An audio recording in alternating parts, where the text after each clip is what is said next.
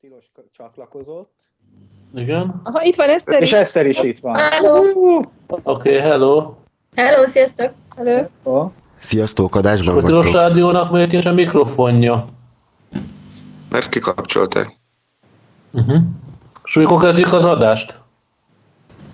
Lehet, hogy már ez az, nem? Nem arról volt, hogy 10 Sziasztok, 15? adásban vagytok. Ja, köszönjük. Köszi. Akkor sziasztok, kedves hallgatók! Ez itt a Bádogdoba Tilos Rádió Skype-on ezúttal. Eh, De hívhattok minket ma is a 215 37 73-as számon. A műsort Bodi GG és Ádám vezeti, mai vendégeink pedig az átlátszósoktól Horn Gabriella, Katus Eszter és Bátorfi Attila. Sziasztok! Sziasztok. Sziasztok. Sajnos a malőrét, ez az első Skype-os adásunk, és nem tudtuk, hogy mikor kapcsolnak be minket adásba. Igen, reméljük, hogy mindenki hall. Mind... Most az adásban vagyunk, Gégi. Igen, és a GG-t rosszul hall, legalábbis én nagyon rosszul hallom. Én is. Pedig nekem van a legjobb vonalam, a legjobb mikrofonom és a legjobb képernyőm. Jó, igen, csak nincsen rajta a kép. Na jó, Gégén jól hallak, úgyhogy kicsit hangosabban beszélj. Na kezdjük a műsort akkor, szerintem. Ádám, akkor vezess fel.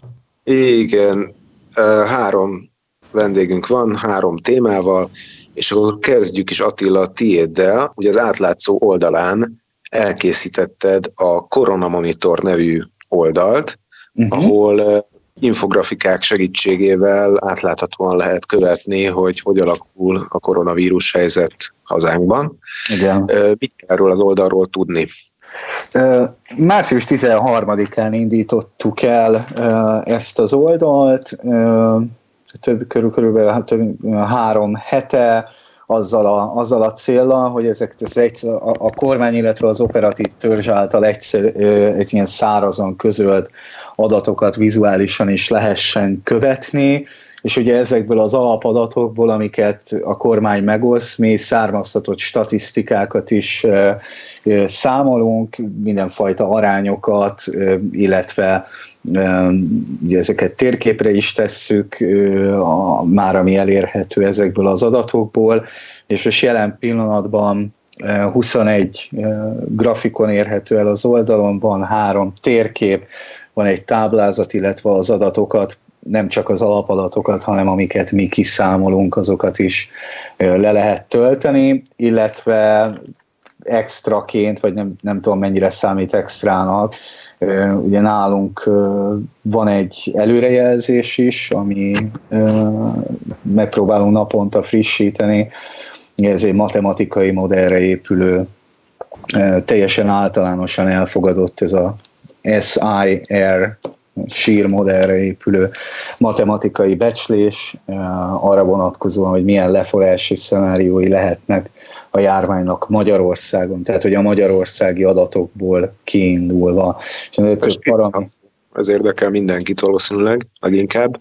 Eh, Hát ugye, szóval ez nem egy mindenható modell, mint ahogy egyáltalán nincsenek mindenható modellek, ez nem egy ilyen gömb jóslás, vagy ilyesmi, hogy az ember így elkezdi, elkezdi bűvölni a, a, a gömböt, vagy a, vagy a, tudjátok, vannak, a, vannak ezek a skifi filmekben, ilyen régebbiekben, ezek az ilyen medencék, amiben ott van a, a, a, az a sötét valami, ilyen folyadék, és akkor abba a varázsló beleszór egy valamilyen port, és akkor megjelenik a jövő vagy a múlt.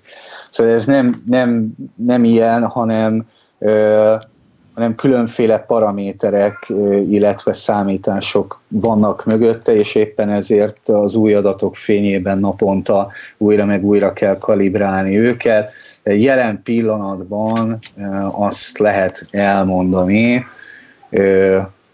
én voltam a hülye, hogy nem nyitottam meg előre magát az oldalt, hogy nincsen előttem, mert fejből nem, nem tudom így a, a, az adatokat sajnos. Igen, előrejelzés. Már is, már is mondom, hogy mit, Azt mit mondd el, hogy ideig tartott, amíg ezt elkészítetted, vagy elkészítettétek. Ugye erre, erre talán, tehát hogy Facebookon összekötöttek, Nepusz Tamásnak hívják, a norvégiai Molde University-nek a kutatója, illetve egy bioinformatikusról beszélünk. Hát magát a, a modell elkészíteni, az, az nem volt sok idő, az egy-két nap maximum, ha jól emlékszem. Tehát, hogy az első kapcsolatfelvételtől kezdve szerintem egy nappal később már kim volt az első grafikon, tehát nem az a probléma, hanem a fenntartása, mert ugye az új adatokkal új reprodukciós rátát kell ugye számítani, ugye ez az, hogy átlagban egy ember hány másik embernek adhatja át magát a, magát a vírust, és akkor ez alapján újra kell számítani a, a becsléseket. Tehát jelen pillanatban azt mondja a modell, illetve ez egy április 5-i számítás, ennél valamivel alacsonyabb a jelenlegi becslés most már a mai adatok alapján, csak még nem frissítettem a, a, a, a grafikonokat, legalábbis ezt a grafikont még nem, hogy az előrejelzés szerint két hét múlva 3656 ö, ö, aktív fertőzött lehet Magyarországon. Ez, a, ez abban az esetben történik így, ha semmi az ég egy a világon nem változik a következő két hétben, tehát minden, a terjedés üteme hasonló marad, vagy ugyanez marad pontosabban, illetve semmi olyan újabb kormányzati intézkedés bejelentés nem történik, ami alapján újra kell kalibrálni a, a, a, a modellt, vagy a paramétereket, illetve nyilván minden egyes nap ugye új fertőzöttek vannak, illetve új a gyógyultak száma és az elhunytak száma is, tehát az aktívak száma is változik minden egyes nap, éppen ezért ezzel párhuzamosan változik, vagy ezzel együtt változik az is, hogy hogyan alakul a, a, az előrejelzés.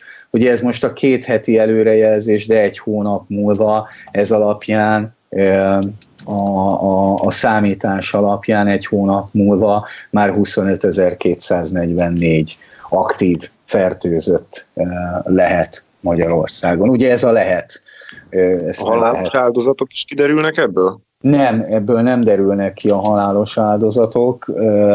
Megmondom őszintén, hogy jelen pillanatban nem is tudnám megmondani, hogy egy ilyen modellel, ugye ez egy egyszerű matematikai modell, mert van egy ennél bonyolultabb, abban már az elhunytak számát is kalkuláljuk, csak még nem publikáltuk, illetve ezt le fogjuk cserélni egy ennél sokkal bonyolultabb modellre pár napon belül, ahol már mindenfajta paramétereket ti is be tudtok állítani, tehát tudtok majd vele játszani, hogy tologatjátok a csúszkán azt, hogy ma éppen 200 halott lenne, akkor hogyan folyna le a továbbiakban a járvány Magyarországon. És ugye vannak benne egyéb kalkulációk is arra vonatkozóan, hogy ha mostantól kezdve 25%-kal kevesebb emberi kapcsolat jönne létre, vagy 50 százalékkal jönne, akkor hogyan alakulna. Viszont az, az egy örömteli hogy, hogy napról napról laposodik. Tehát az előrejelzés alapján is egyre laposabb az a görbe, ugye erről nagyon sokat lehet hallani, hogy ez egy kulcs, hogy minél laposabbra tudjuk összeszorítani magát a görbét, Viszont az a helyzet, hogy még így is, hogy, hogy ez laposodik, ez a görbe eléggé, a csúcson még így is 1 millió 150 ezer fer, potenciális fertőzött lehet aktív, de sokkal magasabb számról indultunk, tehát azért ezt is látni kell. Szóval ez az előrejelzés része, látjuk, hogy mások is most már készítettek előrejelzést, olyan nagyban nem különböznek ezek a számok. Tudom, hogy nagyon ijesztően hangzik, hogy még mondjuk egy, egy, egy 25 százalékos kapcsolat csökkentés esetén is 411 ezer megbetegedett lehet, ugye ekkor kitolódik a, a járvány csúcspontja szeptember végére, közepére, végére. Most, hogyha nem változik semmi, akkor a járvány csúcsa az június, pontosabban július elejére tehető a modell szerint. Többféle modell létezik, nyilván vannak ennél bonyolultabb modellek is, mi is most azon dolgozunk, hogy, illetve túlzás, nem akarok királyi többes számban beszélni, hanem Tamás azon dolgozik, hogy egy bonyolultabb modellel még pontosabb becslést lehessen erre vonatkozóan adni. Ha még annyit meg, megengedtek, tényleg nem akarom ezzel elrabolni a teljes első részét a műsoridőnek, hogy, hogy, hogy nagyon-nagyon-nagyon sok észrevételt, megkeresést kaptunk az elmúlt három hétben tehát egészen, egészen látványos az, a, az az érdeklődés, ami és nem csak az előrejelzésről, meg a modellezésről, hanem általában azzal kapcsolatban, hogy mit lehetne még ábrázolni, milyen adatokat kellene, vagy le, lenne jó, hogyha bemutatnánk az olvasóknak és ugye ilyenkor az ember ketté tárja mindig a kezét, hogy igen, mi is nagyon szeretnénk, csak sajnos nem rendelkezünk ilyen mélységű adatokkal, tehát szuper lenne. Aztán uh, sokan felvetették, és ez egy jogos, ugye ezt mi is levettük, hogy a nemzetközi adatokkal való összehasonlítás. Ezt fontosnak tartom megjegyezni, hogy az elején, pontosabban két hétig mi is közöltünk a halálozási arányra, illetve az egymillió főre elvégzett tesztek számára egy nemzetközi összehasonlításokat, de pontosan azért, mert részben a tesztelési protokollok országonként különböznek, részben pedig ugye egyáltalán nem mindegy, hogy hány emberre vagy meg, hány lakosra jut, illetve az sem, hogy a járvány kitörésének hanyadik napján ér el valamekkora számot, ugye ezt visszafelé kéne tudni követni, például a tesztelési arányoknál, amivel nem rendelkezünk ezzel az adattal, ezért egy idő után ezek az összehasonlítások értelmét vesztették, pedig nyilván a legtöbben arra kíváncsiak, vagy arra lennének kíváncsiak, hogy, hogy, hogy na mégis hol tart Magyarország, vagy, vagy, vagy mennyire teljesít jól a régióban, Európában és világszerte. Azt el lehet mondani, hogy látványosan lapos az a grafikon, ugye, ami a megbetegedés vagy a járvány terjedésének ütemére vonatkozik, az nálunk nagyon alacsony, és Európában az egyik legalacsonyabb, ugye Szlovákiánál is hasonlóan alacsonyak a számok, nagyon hamar ellaposodott ez a heti duplázódás irányába, miközben a legtöbb országban még mindig 3-4-5 napos duplázódási időről beszélünk, tehát 4-5 nap kell ahhoz, hogy megduplázódja a, a, a fertő, aktív regisztrált fertőzöttek száma, nálunk ennél jóval több idő kell, és ez azért még megint csak optimizmusra adhat ö, okot adott esetben, ha így értelmezzük a közzétett adatokat.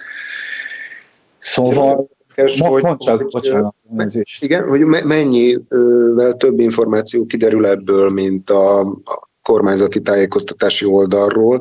Mondtad, hogy sokan kerestetek, sokan kerestek titeket mindenféle javaslattal, ötlettel. Milyen amúgy az oldal elérése? Eljutott az emberekhez? Sokan nézik? Azért tehát én nem, nem tudom, mert korábban ezzel kapcsolatban én már lelettem csellózva a body által, hogy erről nem lehet... Nem csellóztalak le, nem már.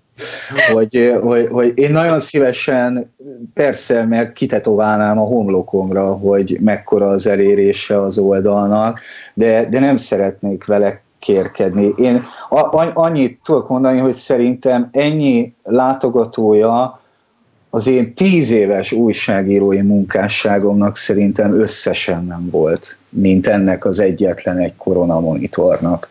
Tehát, hogyha tíz év alatt az összes cikkemet, grafikonomat, bármilyen oknyomozásomat, tényfeltáró cikkemet, vagy egyszerű híremnek az olvasottságát én összepakolnám, ennek a több száz, vagy nem tudom, lehet, hogy ezer fölötti, amit valaha én csináltam, szerintem akkor lenne összesen annyi, mint most az elmúlt három hétben ezzel a koronamonitorral.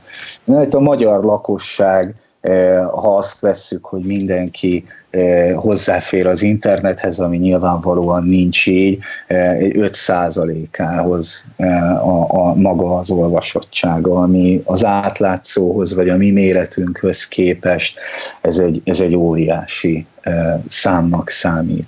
És nagyon, nagyon ez, örülünk neki.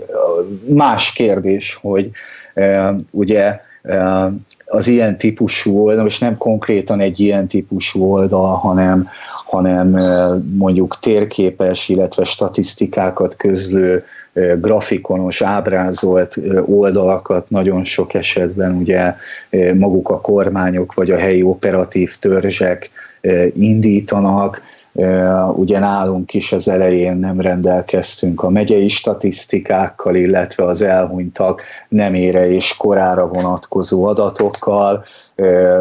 Ugye vagy talán nem emlékszik már mindenki rá, de hogy az elején ugye pont a személyiségi jogokra hivatkozva tagadták meg ezeknek az adatoknak a kiadását de egy idő után mégiscsak eljutottak oda, és akkor a megyei adatokat naponta egy újra generált, nagyon rossz minőségű képben, térképen kirakják, és akkor mi ebből meg más típusú térképet és más típusú térképeket készítünk.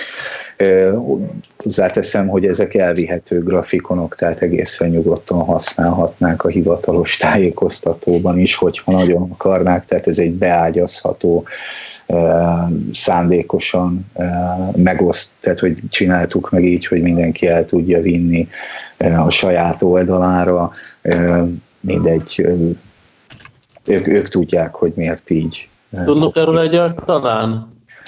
Tekintve, hogy én nagyon sok levé, levelet írtam, hát nem nagyon sok, vagy hát mihez képes, de szerintem négy vagy öt levelet már biztosan, nem ezzel, hogy vigyék el. Az első e-mailem szólt csak erről, hogy szeretnék tudni több statisztikát, mert hogy ezt az oldalt csináljuk, és hogyha gondolják, akkor vigyék el, de hát tőlem kapnak azért három-négy naponta egy kérdést, vagy egy javaslatot. Eddig az első e-mailemre volt válasz az, hogy nem adhatók ki azok az adatok. Majd két héttel később kiadták őket, vagy elárulták őket, de nem, én nem, én nem szoktam válaszokat kapni az operatív törstől, illetve a belügy erre, e, erre használt e-mail címéről. Na mindegy. Ahogy másra se szoktunk kapni. Igen, ahogy más, másra se szoktunk kapni. Azt nem is tudom, hogy az operatív törzsnek a napi sajtótájékoztatóin egyetlen egyszer belette olvasva nem, átlátszó nem, nem, nem. Én sem emlékszem rá. Nem Igen. jól kérdeztünk biztos. Igen. Szóval, szóval Szóval dióhéjben, dióhéjben ennyi, és még egy csomó ötletünk van, hogy mit lehetne még csinálni, meg mit lehetne még hozzátenni. Lehet majd később ezt az alkalmazást másra is használni, hogyha ez lecseng? A modellezést? Igen, ezt a, gondolsz? igen, igen, igen, hogy amit most így, hogy ezt szerintem látod-e ennek majd más felhasználhatása lehetőséget, vagy csak erre az egy egy ö, ilyen történeten lehetett ezt felhúzni? Hát ugye ezt a modellt, ezt kifejezetten a járványok terjedésére találták ki ezt a matematikai modellt, nem is tudom, hogy másnak a ter... de nem tudom. E, az a helyzet, hogy nem akarok hülyességet mondani, mert nem vagyok sem járványügyi szakértő, sem ilyen public health uh, expert, ez túl van az én kompetenciám. Én, én ábrára teszem azt, amit én a Tamástól adatot megkapom, illetve nyilván én, én akadékoskodom azért a Tamással eleget, hogy hogy, hogy kérdéseket teszek föl, hogy minél inkább védhető legyen, meg hogy nyilván felmerülnek olyan kérdések, amik, amik ilyenkor felmerülhetnek az olvasókban, és hát nyilván nekünk is fontos, hogy mi sem akarunk pánikot generálni. Ez azért szintén, szintén fontos körülmény, hogy, hogy nem szeretnék pánikot generálni senkiben sem. Teljesen jó, hiszen van jó forgatókönyv is, úgyhogy az nem generál pánikot valószínűleg. Hát az elején az első szám azért az egy eléggé ijesztő szám volt ott, ott mindenképpen, de még kevés adattal rendelkeztünk az első becslésnél. Az ott, az ott egy masszív, 40, tehát a lakosság 40 át érintő fertőzés volt a, mhm. a lefolyásra a becslés.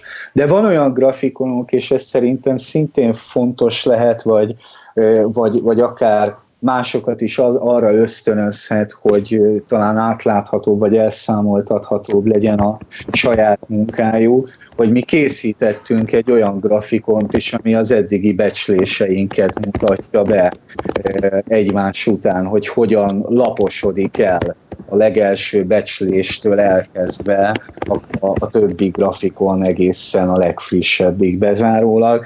Ez megint csak a, a, a, annak, a, tehát hogy azt is szeretnénk ezzel kommunikálni, amellett, hogy ez egy fontos követése a becsléseknek, hogy, hogy, hogy azért lássa mindenki, hogy, hogy, hogy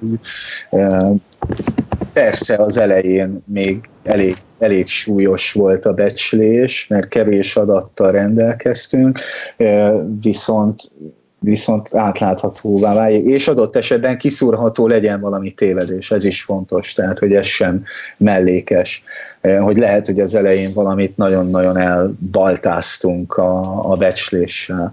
De én úgy látom, hogy azért ahol becslések megjelennek, nyilván ezt naponta követjük, hogy milyen viták vannak eh, az ilyen járványügyi becslésekkel kapcsolatban, eh, követjük ezeket a, ezeket a vitákat, nyilvánvalóan nincsen semmifajta konszenzus. Tehát, hogy ez, és ez fontos látni, hogy ez csak egy típusú becslés, és nagyon sok más modell van, ami máshogy becsli meg, becsüli meg az adatokat, csak hát nyilván nekünk nincsen kapacitásunk arra, hogy bevezessünk egy következőt, meg egy másik, meg egy harmadik alternatív becslés, hanem ezt tudjuk finomítani. Tehát az lenne a jó, hogyha itt dolgozna még rajtunk kívül két másik matematikus vagy járványügyi szakember, aki az adatokat szolgáltatja, és akkor össze lehet nevetni ezeket. De hát nem rendelkezünk sajnos ezzel a kapacitással.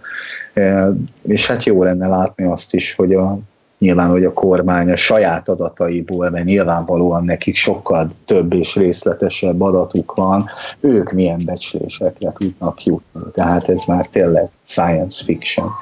Hát hogy egy rossz becsléssel majd ráthúzzák a rémhír terjesztés vágyát? Ezen gondolkoztunk eh, mi is, de megvártuk. Gondoltam, hogy modelleztétek ezt is matematikailag.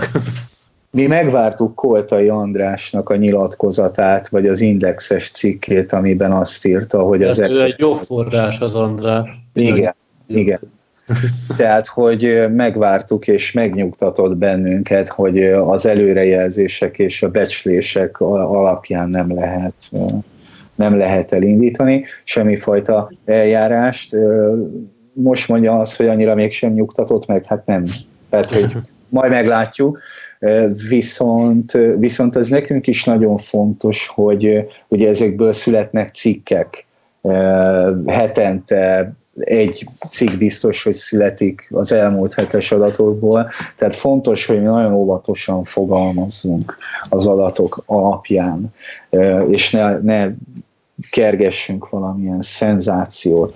Az mondjuk látszódik, hogy nálunk most amellett, hogy nő a, a, a halálozási arány, ennél sokkal és ugye ez az eseti halálozási alányról beszélünk, tehát a nyers eseti halálozási ráta az is nő most már több mint egy hete folyamatosan, de ennél még durvább a, a lezárt eseteken belüli. Tehát inkább az az ijesztő, a lezárt eseteken belüli halálozási arány, mert az 40 százalék és a globális arány az 20-21-22 százalék, tehát nálunk sokkal nagyobb ez az arány. Ugye a lezárt esetek az a gyógyultak és az elhunytak ugye arról tudunk már, hogy akkor ott náluk véget ér.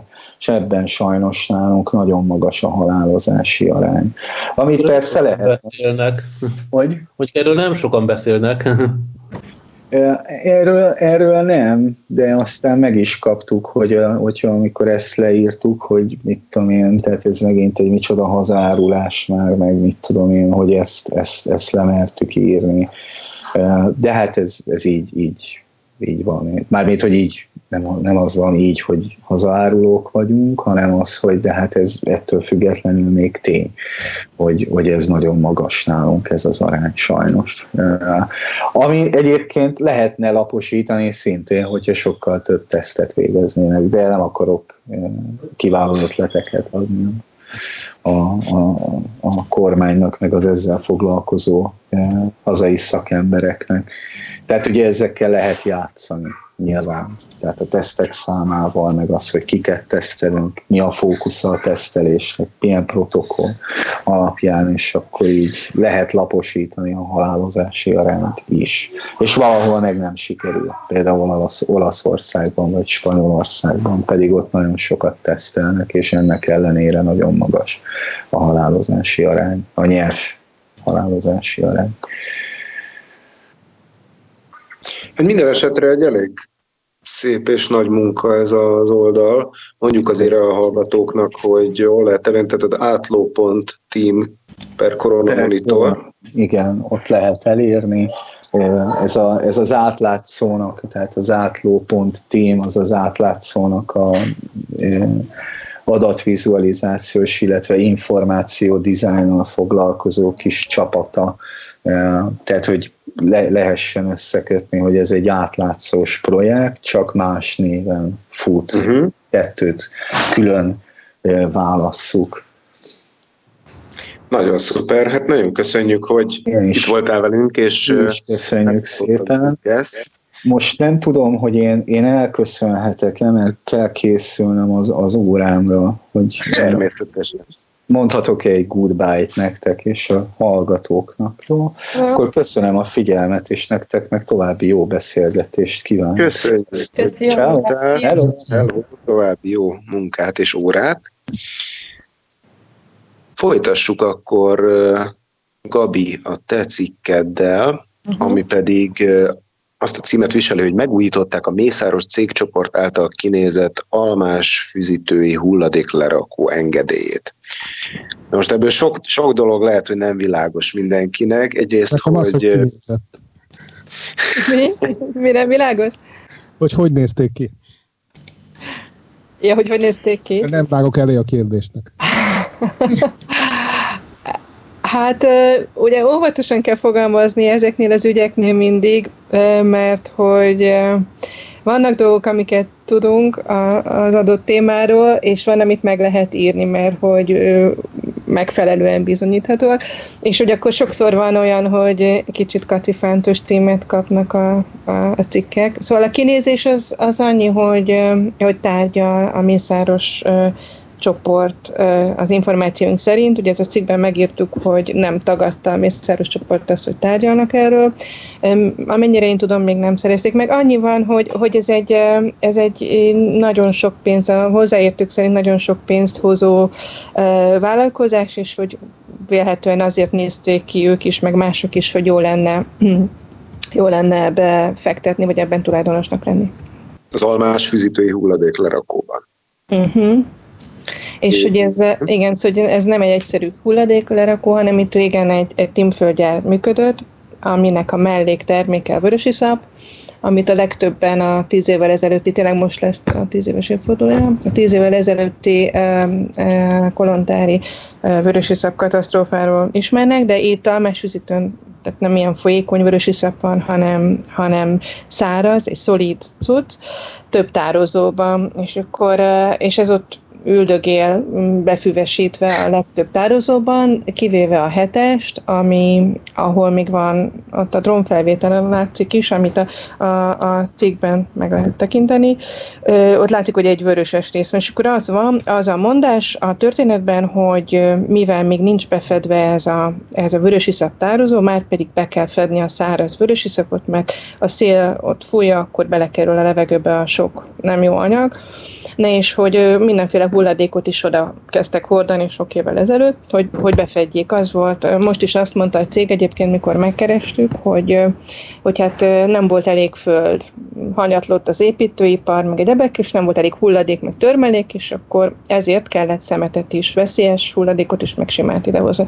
Na és akkor, hogy ez úgy hulladék... Az értem, akkor a veszélyes hulladékot veszélyes hulladékkal fedik be, hogy ne szórodjon szét a levegőbe? És simával is, igen, de ugye... A... Kever, egy kicsit hígítják. Igen, ezt mondják a környezetvédők, és, és a, a cég pedig azt mondja, hogy ők komposztálnak, és akkor a fő gond az, hogy uniós szinten nincs meghatározva, hogy mi az, hogy komposztálás, hulladék komposztálás, nincs jogszabály róla, és ezért lehet játszani ezzel a dologgal, és akkor hát ez a cikkben látszik az ugye, hogy a környezetvédők azt mondják, hogy ez egy tök veszélyes dolog, és az új engedély, mert ez a cikk most annak apropójából született, hogy hogy megtudtuk azt, hogy a mészáros csoport is érdeklődik az almásfüzítői hulladékfeldolgozó iránt, illetve, hogy hirtelen lett egy új engedély is, ami évek óta húzódott. És hogy akkor, és ezt mondják a zöldek, hogy még az új engedély sem elég, ugyan javítottak a, a határértékeken, hogy miből mennyinek szabad lennie. A zöldek szerint, a Greenpeace szerint ez, ez nem oké még mindig, a cég szerint pedig, pedig ez teljesen rendben van. És akkor az bonyolítja még a helyzetet, az nagyon szépen látszik ott a drónfelvételen, hogy hogy ennek a tározónak, a, hétből ennek a hetesnek, ahol még a piros rész ott kilátszik, nagyon vékony, hát a gát, a Duna egészen közel van a Dunához, és a Duna gátja választja csak el, és akkor a környezetvédők részéről ugye elhangzik sokszor, meg az általuk felkért szakértőktől is hallani azt, hogy hogy szivároghat a talajvízzel ez a cucc, attól függően, hogy a Duna, mm, Dunának milyen a vízállása, és nem is csak a vörös iszap, ugye, hanem hogyha különböző hulladékok is ott vannak, azok is bele szivárognak akkor így a, a Dunában, és az ott egy ilyen védett Natura 2000-es terület, szóval hogy így röviden ennyi. És mit lehet ezzel kezdeni? Mert ugye, hogy mondjuk a Mészáros csoport ezt megszerzi, akkor tudja szabályozni, hogy ne kerüljön a Dunába, Um, vagy lesz erőforrás arra, hogy szerezzen nem túl veszélyes hulladékot a betemetésére, vagy mi, mi, mi várható ilyen esetben? Igen, amikor, beszélt, amikor beszélt, vagy készítettük a cikket, akkor, akkor beszéltem olyan szakemberrel, aki azt mondta, aki környezetvédelemben dolgozott Magyarországon környezetvédelmi irányításban, hogy, hogy szerinte az lett volna a megoldás annak idén, hogy ki ilyen markolókkal ezt a tudom, sok millió tonnát kiássák onnan, és elviszik egy olyan helyre, ahol rendesen betonnal meg egyébben le van szigetelve, mert ugye ez úgy néz ki, hogy mint amikor egy háznak az alapját megássák, de nincs kibélelve semmi olyan anyaggal, ami a földbe szivárgást akadályozna. És akkor ez az ember azt mondta, hogy ez egy barami drága megoldás lenne, de hogy ez egy ilyen biztos dolog lenne, hogy hogy elvinnék valahová. Nagyon sokba kerül elszállítani, meg kiásni, meg minden. De hogy alapból ugye azért is lehet ez jó biznisz, mm, ezt szintén a környezetvédők mondják, mert hogy hogyha te szeretnél egy hulladékfeldolgozót csinálni, és a szabályoknak megfelelően, az baromi sokba került, nagyon-nagyon sokba, tehát akkor már nem annyira érnél meg. Úgyhogy Úgyhogy mm, kicsinek, én kicsinek, szóval nem, nem tudom, hogy ezt hogy fogják úgy megoldani, nem hinném, hogy ezt át fogják pakolni valahová, de hát bár le, jó lenne, ha, ha, ha az lenne. Mert hogy ráadásul emberek is, van, van két utca, vagy két házsor egészen ott, egészen ott közvetlenül a tározóhoz közel, és ott azért büdös is van, meg meg, meg hát ezzel nem lehet túl jó ott élni. Igen, ugye fölmerül a kérdés, hogy, hogy ez miért éri meg Mészáros úrnak, mi ebben a nagy üzlet? Az, hogy nagyon sokba került, tehát hogyha tehát maga a különösen a veszélyes hulladék feldolgozás, mondja az ember úgy él, hogy baromi sok szemetet termel, veszélyes szemetet is, mindenféle dolgokhoz, amiket szeretnénk, a gyógyszerektől kezdve mindenhez, és, és nagyon sok ilyen szemét keletkezik, és hát ez mindenütt szerintem az lehetett hallani ugye Olaszországban is a maffia és a bizniszelt, a hulladék, meg máshol is lehet hallani, szóval nagyon sok pénz van, a, a, mert hogy sok hulladék keletkezik, és amit csinálni kell. És gondolom, hogy hogy őket is érdekli ez, hogy ez egy hosszú távon működtethető dolog, hogy egy olyan befektetés lenne, ami ugye nem, nem fog elfogyni sokáig a, a hulladék. És ez mondjuk azt jelenti, hogy ha lenne még egy ilyen vörösi szab katasztrófa itt, akkor azért már a Mészáros Lőrincet lehetne felelősségre vonni ezek után, hogyha megveszi? Ez tök érdekes, ezt próbáltam kideríteni, és uh, Bódi mond, hogyha te erről tudsz jobbat, de hogy nem, a legtöbb szakember számára nem világos ez a, a környezetvédelmi, vagy környezeti felelősség uh, ügye. Szóval... Nem hallotok? Igen, igen. Uh-huh. Én szerintem igen, akkor az van, hogy neki van egy ilyen fenntartási kötelezettsége, és akkor attól függ, hogy, hogy hogyha történik valamilyen katasztrófa, akkor mindnek tudható be. Annak, hogy korábban már olyan hibája volt ennek, amikor átvette ezt az egész tározót, amiről nem tudhatott, és azért olyan gátrepedés volt, hogy uh-huh. ugye volt a katasztrófa, vagy pedig azért, mert mit tudom én, olyan, vagy nem tette ennek a fenntartási kötelezettségnek. Szóval ilyenkor azért a felelősség egy része átszáll rá onnantól kezdve, szóval és hát Mondjuk, persze, bocsánat, hogy közben, tehát olyan kolontári katasztrófához hasonló nem lehet, mert ez egy szilárd tud. Uh-huh. Tehát, hogy akkor másfél. Másfajta lehet, igen, igen. És akkor, akkor, vagy ugye az lehet még, Bodi, hogy jön az állam és megveszi, mint a Mátrai erőműnél. Hát igen, ez... igen. De Bocsánat, hogy közbeszólok, de egyébként nagyon sok uh, hulladékkal kapcsolatos projektben most benne van a Mészáros Lőrinc, nek a különböző cégei, illetve hát a, valószínűleg a radioaktív hulladékkal kapcsolatban is ő majd így szerepet fog vállalni, mert alkalmas rá a cége, illetve a veszélyes hulladék felszámolással kapcsolatban nagyon sok EU-s pályázaton, és ezek elég nagy összegek, és ezekben is érintette Mészáros Lőrinc. Tehát ez egy eléggé átfogó terület, amiben azért van most pénz bőven. Az egyes számú állami vállalat, kettes számú állami vállalat, emlékeztek, még régen voltak beszámozva. Hát jó az üzleti érzéke, na hát most. Ennyi. A Simicskának voltak ezek az A híd, B híd, C híd, D híd. Igen, tényleg. Azok még vannak, csak már nem feltétlenül. Kégi, mesélj erről? Hát, olvas újságot. De hogy miért, miért hídnak nevezte? Ez különböző hídépítő cégei ezek voltak? Hídépítő cégek voltak, igen. igen. Ja, jó, azt nem tudtam. De ezek még megvannak, tehát ezek vannak továbbra is. Hát csak kevesebb hidat építenek. Hát nem, vannak az, az autópályák felett vannak, figyelj, most ment, ezért megépült uh, Békés Csaba fele is az elkerülő út, hogy ott én legalább négy hidat számoltam meg. Azt is meg kellett építeni. Gyakorlatilag csak egy kicsit most nem teljesen a témához élően, csak egy másik listán nekem felvetődött, többen mondtak egy ilyen horgász, horgász titkos horgász listánkon, hogy elkezdték behívni a tartalékos katonákat. Ó, oh, yeah. Igen, igen. Kicsit vagyok kedve, mert én egyszer kaptam egy levelet még Szabó János honvédelmi minisztértől még a 90-es évek végén, hogy a hozzáértett szolgálata, amit nem tudom, hogy mi volt, én tartalékos főhadnaggyá nevezett ki, mondjuk azt a levelet elhagytam, úgyhogy hát elsek arra, amit eléggé meg vagyok most ijedve. Már a csillagokat. Legyen A legközelebbi támaszponton. A legközelebbi támaszponton a főhadnagy jelentkezzen. Neki nem ez kellene, igen, hogy most már, most hogy bevallottam, mindjárt jönnek értem, aztán van akkor.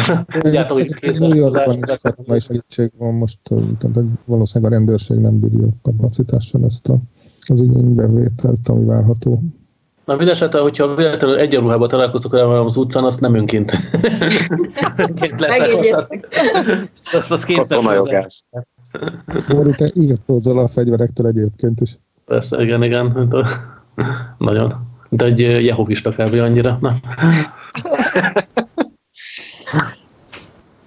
Hú, hát még van egy témánk. Angyal szállt fölöttünk.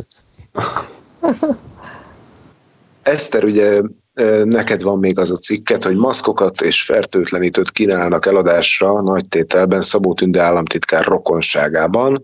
Ez így ránézésre egy ilyen klasszik korrupciós ügynek tűnik. Hát, az? Igen, ez egy jó kérdés. Hát ez több rétű dolog. ugye az egész onnan indult, hogy a, vagy hát onnan is nem tudom, még nyilván több helyen elterjedt, az Orosvári Zsolt, aki ugye arról híres, hogy ugye az anyukáknak szerzett ágyat a kórházba, hogy ne a földön kell feküdniük a gyerekeik mellett, ő tett ki egy posztot ezzel kapcsolatban, meg több, több képet, hogy hát felbukkantak ezek a nagy mennyiségű arckmasz meg készfertőtlenítő az Instagramon, és hogy ott tárolja őket valaki, és hogy hát nyilván felmerült mindenkibe kérdés, hogy ki az, aki, akinek ennyi, ennyi ilyen holmia van, miközben az egész országban ugye készlethiány, mert mindenhol panaszkodtak egészségügyön, mindenhogy nem tudnak hozzájutni, meg hát nyilván az emberek tapasztalták a patikákban, hogy nincsen sehol semmi, és hogy nekik megvan és hát elég hamar kiderült, hogy hát ez a Szabó Tünde sportért felelős államtitkár testvérének, a lányának a férje, aki az árulja. A nagybátyja, aki, aki palotáról jött vissza 72-ben. Tehát, hogy igen, tehát, hogy ez már ilyen, ilyen sokadik szál lenne, és ez felismerült bennem is a kérdés, hogy ennyire érdemes-e hozzákötni egy politikushoz a rokonságot, tehát hogy mi az a szint, vagy meddig tart az a határ, amíg azt mondjuk, hogy ez még így hozzátartozik a politikushoz, vagy ez már az a szint, amiről ő már abszolút nem tett, vagy nem tudhat róla.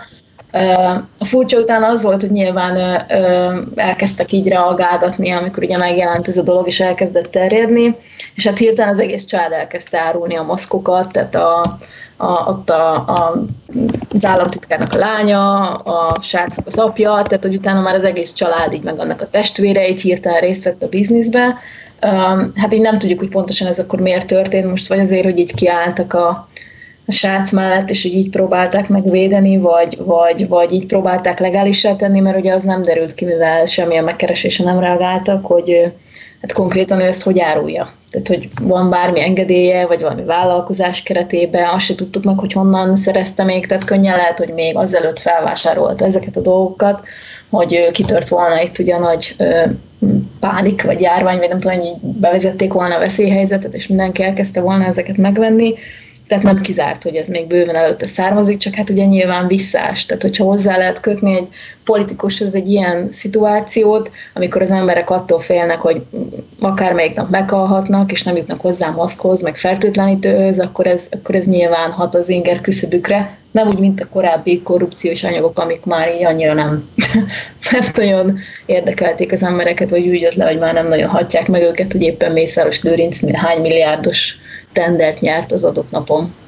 Ez viszont ugye mindenkinek a saját bőrére megy, úgyhogy meglátszik a számokon, mert hát az év eddig legolvasottabb cikke lett ez, és hát nem kizárt, hogy ez így is maradt, tehát hogy iszonyatos mérték, nagyon-nagyon sokan olvasták, és nagyon gyorsan így végigfutott az interneten, tehát hogy biztos, hogy elért egy olyan inger küszöböt, amit a korábbi közpénzes, klasszikus korrupciós ügyek nem.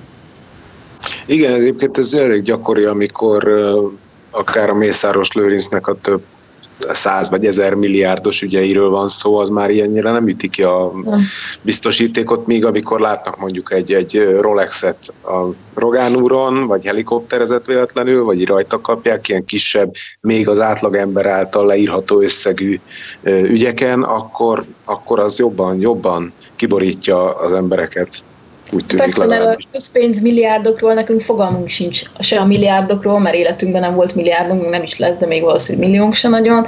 A közpénzt ugye nem látják az emberek, nem, a, nem egy kézzel fogható dolog, ugye hát bemegy adóba, jó van, majd valami lesz vele, de hogy ezt nem tudják, hogy ez konkrétan tőlük hogyan vesződik el ilyen szép magyar szóval kimondva.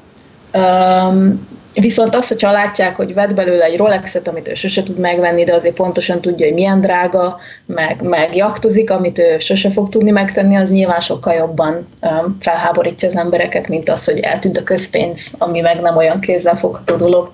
Itt ugye nyilván a maszk, meg, meg hát a hiányzó um, ilyen védőeszközök, azok, azok, azok egyértelmű, mert tudják, hogy mi az, és hogy nem jutottak hozzá, hiába próbálták az elmúlt hetekben több, több helyen is, vagy többször is. Úgyhogy nyilván azért. Jó, azért itt vannak itt egy nagy tételben ilyen trükközések, nem csak ilyen mikro Magyarország szinten. Például az ma volt azt hiszem hír, hogy a olaszokkal, akik nagyok visszavásároltatják azokat a maszkokat, amiket ajándékba kaptak. Szóval ez azért... Itt is fölmerül egyébként, hogy, hogy, hogy van, van egyébként továbbadási joga Vasvári Dániel? Tehát, hogy van, van itt kereskedelmi forgalomba helyezéshez joga? Persze, hát az semmi, nem Szabad piacgazdaságban mindenkinek van. Aztán rúszabb Jó, de utána meg ilyenek? Hát ez egy jó kérdés nyilván, tehát hogy az naptól kéne megkérdezni, de hát nyilván személyre vonatkozó adatokat úgyse adnak ki, tehát hogy ezt így nehéz kideríteni. Ezért gondolom, hogyha mondjuk így többen árulták a környezetébe, akkor biztos van valakinek, egy valakinek kereskedelmi joga, tehát egy boltja, vagy valami netes cége, és akkor azt mondják, hogy ők meg csak megosztották és segítettek, tehát hogy azért ezt könnyen át lehet vinni bárkire ezt a dolgot, akinek van egy boltja a család környékén, vagy akár valami havernak, vagy barátnak, mert a barátai is árulták, tehát mondhatják azt, hogy igazából nem ő árult, ő csak segítette reklámozni az Instagramon, vagy a Facebookon, vagy nem tudom. Tehát, hogy, hogy azért szerintem könnyen el lehet kenni, tehát hogy nem kell, hogy rajta ez így csattanjon a végén, ez az így. Igen, csak ugye egy gyanúsnak tűnik, ugye ez a három Instagram story tök más nevekkel, ugyanazzal a profilképpel, szóval nem úgy tűnik, mint egy, egy hivatalos cég, ami árulja a termékeként a maszkokat. Hát igen, ráadásul ugye hát az volt ennek, a, amit így nyilván így, nem, és hát ő, aztán nem erősítettek meg, de volt egy olyan információ, hogy, hogy nagyon sok helyen, nagyon sok cégnél, akik ezzel foglalkoznak, um, elvették a készletet, tehát államilag bevonták a, a készletet, és hogy nem lehetett árusítani, mert hogy szükség volt rá, viszont ezt nem erősített, tehát több, nyilván több nagy kereskedés meg forgalmazott felkerestünk, de ők, akik legalábbis válaszoltak, azok ezt nem erősítették meg, hogy ilyen történt volna. Lehet, hogy amúgy máshol történt, csak azok pont nem válaszoltak, vagy azokat pont nem kerestük meg, nem tudom. Viszont az a, a, az a fajta fertőtlenítő, amit ott a képeken látszik, azt egy debreceni cég gyártja, és tehát az nem kínai, mint a maszkok, és annak a cégnek honlapján például egyáltalán nem lehet látni, hogy ők valaha készfertőtlenítőt árultak volna, viszont biztos, hogy hozzájuk tartozik, mert a logó meg minden név stimmel, tehát most még vagy azelőtt vásárolták fel tényleg azt a nagy mennyiségű készfertőtlenítőt, hogy, hogy, hogy eltűnt volna mindenhonnan, mert azt akkor, hogyha külön nekik gyártottak volna, az ugye gáz. Mert hogy tehát ha, a, a, akkor lehetett szabályos, vagy akkor nincs vele szerintem úgy gond üzletileg, hogyha még ezt előtte felvásárolták ezt a nagy mennyiséget, aztán valahogy elraktározták, és akkor azóta megárulják. Az összeg, ami kérdéses még, mert egy helyen, kettő helyen találtuk még ezt a készfertőtlenítőt, meg az egyik helyen 10 ezer forintért árulták a litert, a másik helyen meg az volt még írva, hogy 3400 valamennyi litere, na most a, a rokonság az meg, ugye a sportkárának a, a rokonság az meg 8700 ér árult egy litert, és ugye meg volt, hogy mennyit, mennyit kell megvásárolni egyszerre, tehát hogy meg volt, hogy mekkora tételbe lehet venni, tehát csak nagyobb, tehát egy egyesével nem lehetett venni. Legalábbis a válasz szerint, amit azoknak írtak, akik megkeresték őket privátban. Igen, és ugye pont ez a probléma, hogy, hogy nem lehet tudni, hogy oké, okay, a sportállaptitkár családi körébe kerülnek ezek, de hogy eladnák-e, vagy továbbadnák-e mondjuk egészségügyi dolgozóknak, kórházaknak, bárki az, aki az, akinek éppen szüksége van rá.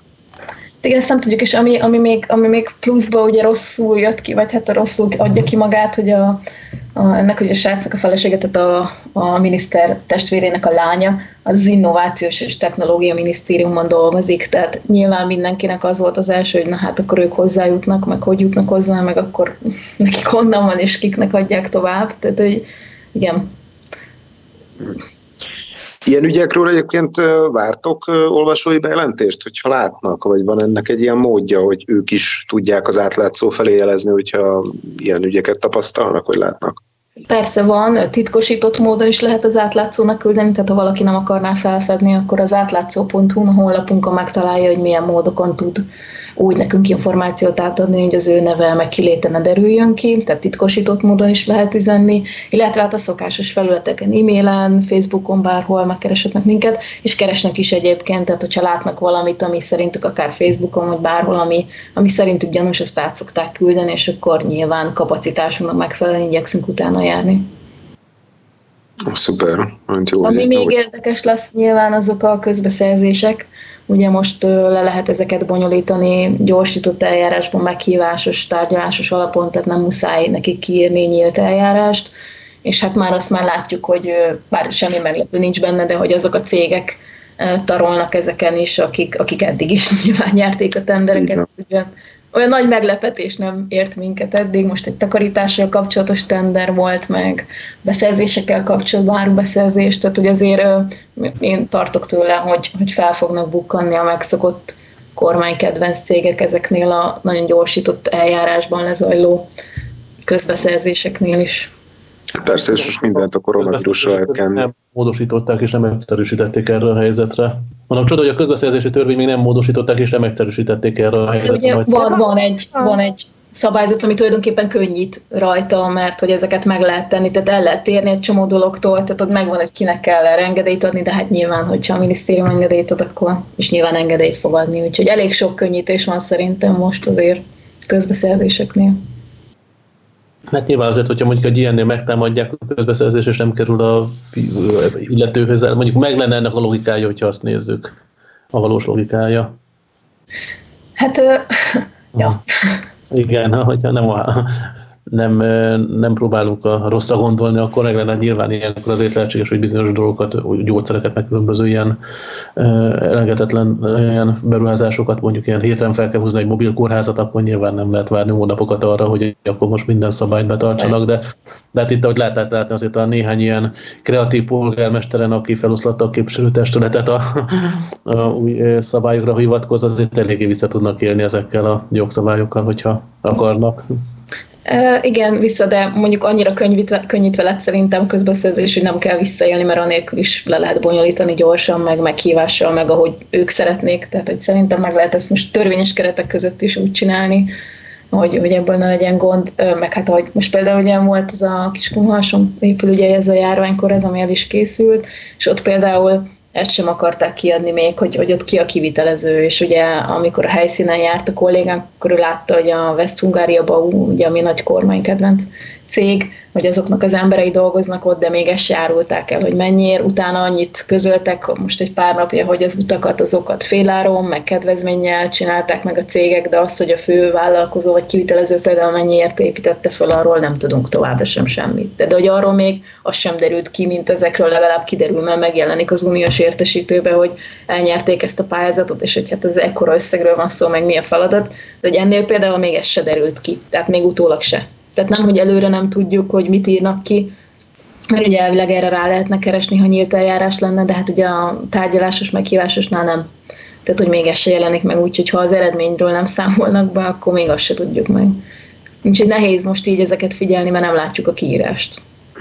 Igen, hát rengetegen nagyon sokat fognak most keresni ezen a járványon, ez, ez várható volt egyébként. Sajnos, igen. De, de hát a lényeg, hogy, hogy azért nálatok megjelennek az ezzel kapcsolatban kinyomozható dolgok és anyagok. Hát igyekezni fogunk nyilván. Úgyhogy Amíg én terjesztésére el nem visznek minket a tétre.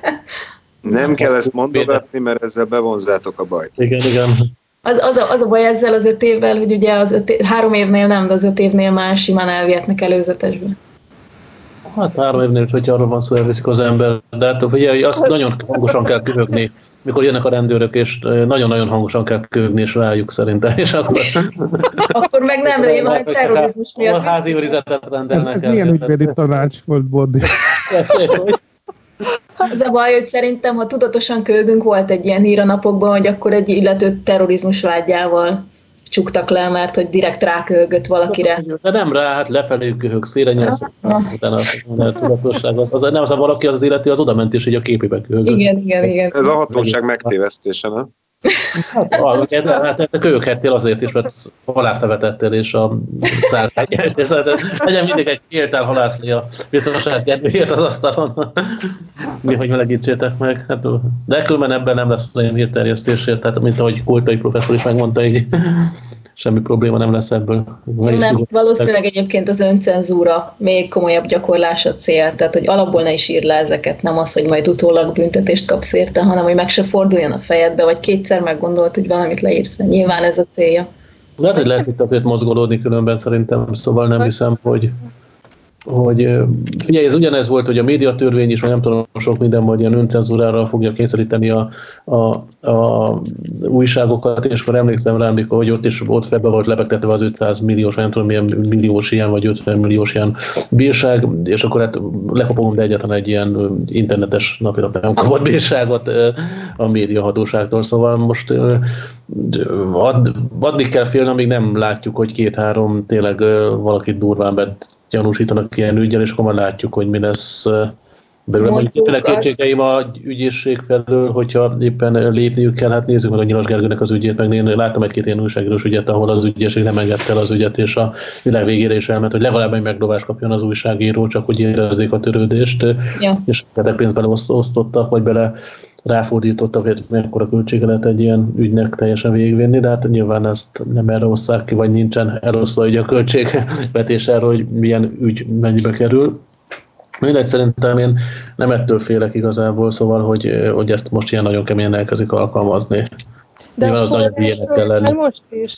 Nekem két forrásom volt az elmúlt egy hétben tulajdonképpen, akik emiatt vagy más képviselkedtek, vagy visszaléptek a nyilatkozattól konkrétan, szóval szerintem ez nehéz, és, és ami baj az az információ áramlás, ugye, mert eddig is ez az átlátszós kérésekre szinte soha nem válaszoltak, mondjuk most a külügy egyre válaszol, és akkor megy ez ugye az operatív törzsnek központi sajtós címre lehet beküldeni, és, és közben meg tépjük a hajunkat, mikor soha, tehát a mi kérdéseinkre, olyan mondjuk volt, hogy egyszer más újság is kérdezte, és akkor, akkor leoszták, és közben megkérdezik az olyan uh, eszméletlen baromságokat, mint hogy uh, nem tudom, valamelyik vidéki lap küldte be állítólag, és, és felolvasták, hogy az a kérdés az X megyei hogy ki lehet-e menni a koronavírusos betegnek cigiznie a teraszra, és akkor, és akkor, és nincs, tehát, hogy most például egy kórháztól kértem ma délután adatot, és az előbb még beszéltünk, jött meg a válasz, hogy és ez egy nagyon nagy probléma, nagyon súlyos, tehát hogy az előbb felmerült, hogy ugye kiküldhet be adatot, meg minden, most egy csomó adat bejön ilyen bejelentőktől, vagy felháborodott emberektől, és ugye le kellene ellenőrizni, mert hogy úgy dolgozna az ember etikusan, hogy megkérdezi a másik fél, és akkor ír a kórháznak egy embert, hogy na, nálatok tényleg nem is mondom, mert, mert ez is rémhírterjesztés, szóval tényleg megtörtént ez a dolog, és akkor visszér a kórház, hogy hát három órával később, vagy négy órával később, hogy hát az opera, operatív törzs összesség fordulni. És akkor most mit csinálsz? Szóval igen, ez nagyon, nagyon, nem is csak a börtön veszély az, hanem, hanem tök szar, szóval nagyon rosszabb így dolgozni.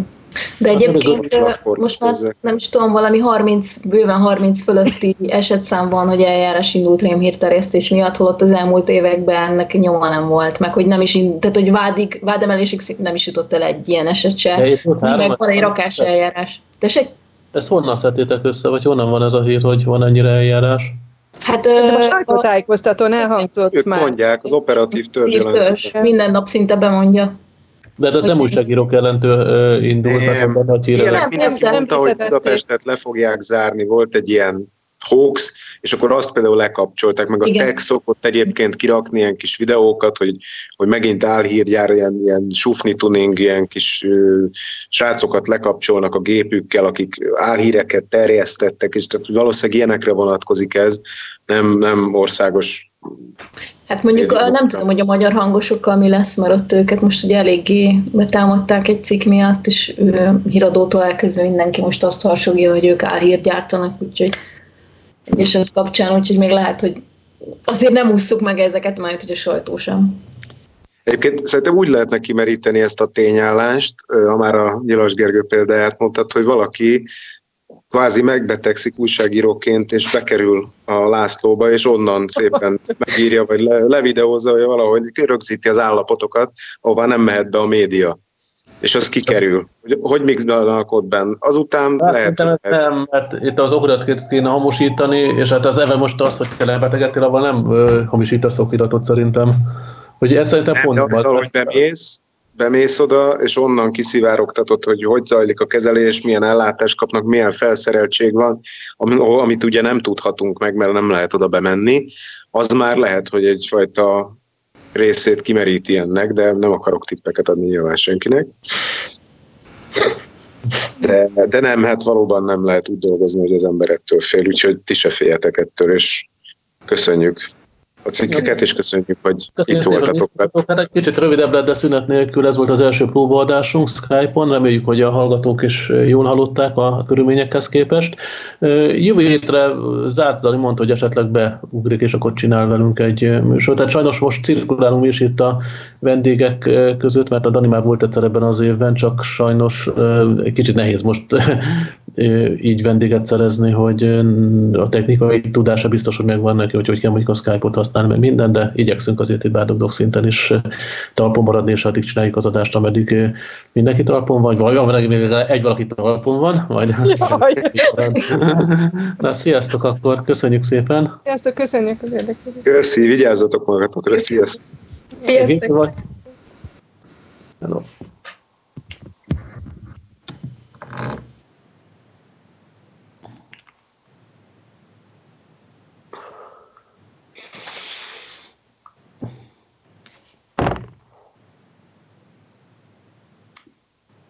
Hát ez nem volt valami a célos. Mi? Alig hallottam valamit néha.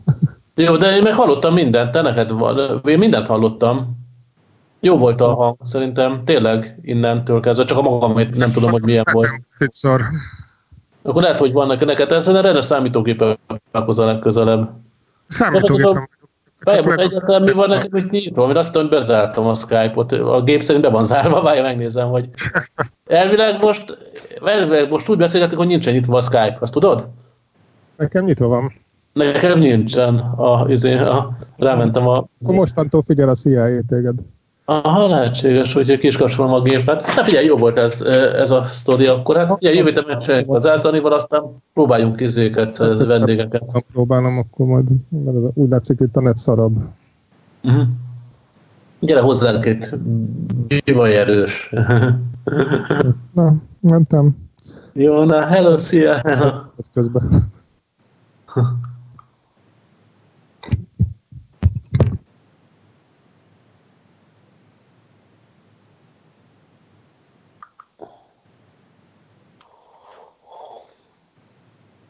Egy,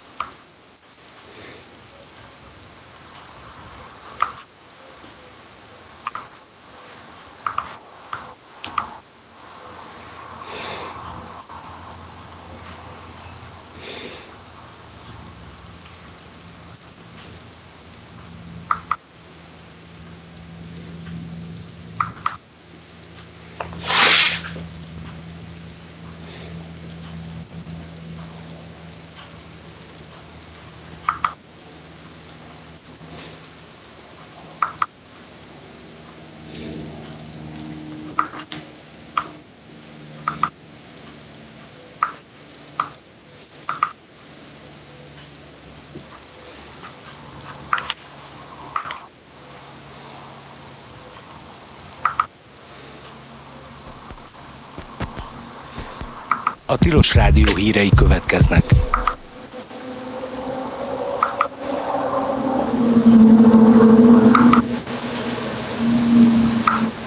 Az elmúlt hetekben számos ötlet csoport indult a koronavírus járvány következtében munkanélkülvé vált emberek megsegítésére. A médiapiac cikkében olvastunk a Friends Club Hungary csapata kezdeményezéséről. Ők úgy vélik, amellett, hogy bizonyos iparágak képtelenek működni a járvány alatt, vannak olyanok, amelyeknek a munkájára most még inkább szükség van. Ezeken a területeken átmenetileg munkaerőhiány alakult ki. Ezért hozták létre a friendshungary.hu per B-terv oldalt, ahol munkavállalók és munkaadók vehetik fel egymással a kapcsolatot. A kezdeményezéshez már most rengetegen csatlakoztak. Aki munkát vagy éppen munkaerőt keres, annak mindenképp érdemes ellátogatnia az oldalra. Ezzel egy időben nyílt levélben fordult elsősorban a tévés és rádiós szerkesztőköz a Magyar Könnyűzene Szerzők és Szövegírók Egyesülete. Arra kérik őket, segítsék azzal a magyar zenei élet tagjait, hogy több magyar számot játszanak le, használnak műsoraikhoz.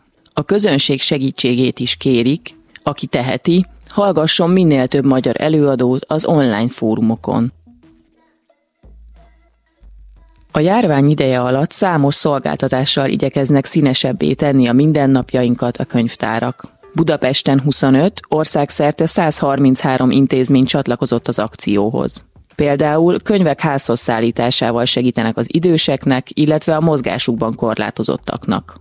A rendeléseket e-mailben lehet elküldeni, ám kérdés esetén a könyvtárosok Skype-on keresztül is elérhetők.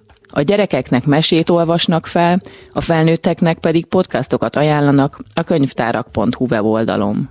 A Magyar Elektronikus Könyvtárból elérhető és letölthető számos szakirodalmi mű, hangos könyv, kötelező olvasmány és szépirodalmi alkotás is. A könyvtári figyelő, a könyv, könyvtár és könyvtáros folyóiratok a járvány ideje alatt mindenki számára elérhetők online. Hogy pontosan hol, milyen szolgáltatást nyújtanak, arról a könyvtárak.hu weboldalon tudtak tájékozódni. Közel 11 millió név került rá annak a marsjárónak a fedélzetére, mely 2020 nyarán indul majd az űrbe, és 2021 februárjában érkezik a Marsra. A beérkezett neveket elektronsugárral gravírozták fel a körömnyi méretű szilícium csippekre. A három csip mellett egy másik tábla is felkerült a roverre, ami a Földet, a Napot és a Marsot ábrázolja. Az ábra üzenete, hogy a marsjáró kapcsolatot teremt a két bolygó között. Ahogy a csillagászat.hu-n írják, a kutatórobot múltbéli mikrobiális életnyomait keresi majd, tanulmányozza a bolygó éghajlatát és geológiáját, mintákat gyűjt, melyeket a jövőben visszaszállítanak majd a Földre, illetve a vörös bolygó emberi felfedezésének első lépéseit fogja megalapozni. A NASA célja a Send Your Name to Mars kampányjal elsősorban az, hogy mindenki osztozni tudjon a felfedezés útjának élményében, illetve hogy minél szélesebb körben ismerté tegye a holdat és a marsot célzó kutatásaikat. A vakvezető kutyák is home office-ban gyakorolnak. Olvastuk az Indexen a Baráthegyi Vakvezető Kutyaiskola vezetőjének közleményében. A karantén alatt kerülik az eptanoncokkal a forgalmas helyeket, csendes utcákban és legfőképpen otthon gyakorolnak. A vakvezető kutyák képzésében az olyan alapvető feladatokat, mint az akadályok kerülése, a szintkülönbségek jelzése, a lépcsőkön való közlekedés, lakásban, egy csendes utcában vagy a kertben is tudják gyakorolni. Csak úgy, mint a látássérültek életét megkönnyítő dolgokat, mint leesett tárgyak megkeresése és a gazdi kezébe adása, a vakvezető hámba történő bebújás, az ülőhelyek megkeresése és mutatása, a szék vagy asztal alá bújás, de még a szőrápolás vagy állatorvosi vizsgálat során tanúsított együttműködés is. A Tilos korábbi önkéntes hírszerkesztője, a szintén baráthegyi nevelésű Kávé nevű labrador időközben felnőtt vakvezető kutya lett Pécsen, így ő most már saját otthonában végezheti a home tevékenységeket. A karantén idején összezárt több generációs közösségekben kódolva vannak a konfliktusok. A talán leggyakorlottabb szakértők, az astronauták a NASA honlapján adnak tanácsokat arra, hogyan szervezzük az életünket úgy, hogy minél harmonikusabban tudjunk együtt élni a várhatóan hosszabb összezártság alatt. A NASA már több mint 50 éve képez ki arra űrhajósokat, hogy hosszabb időt töltsenek el egy apró helyen összezárva, és képesek legyenek együttműködni, feladatokat megoldani, és ne őrlődjenek fel közben teljesen a bezártságtól és egymás társaságától. Az astronauták képzésének része egy öt képességre koncentráló viselkedési útmutató. A legfontosabb elemek szerintük beszélj élthetően, figyelj oda a válaszra, tudj aktívan hallgatni, és figyelj a nonverbális kommunikációra.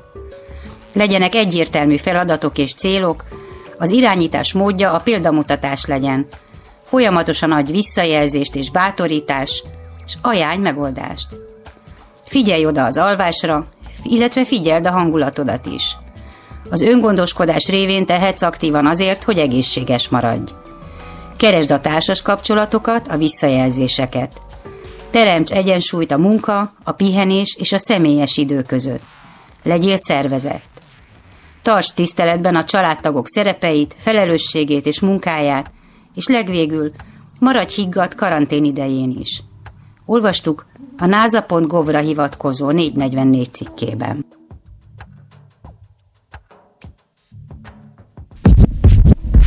Ezek voltak a hírek.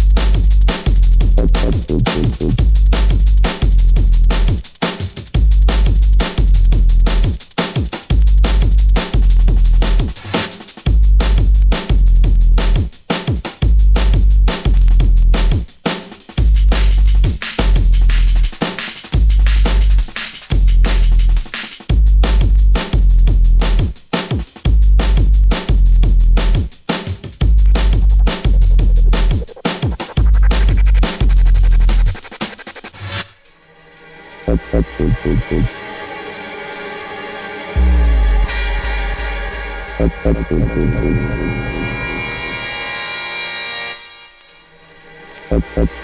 you.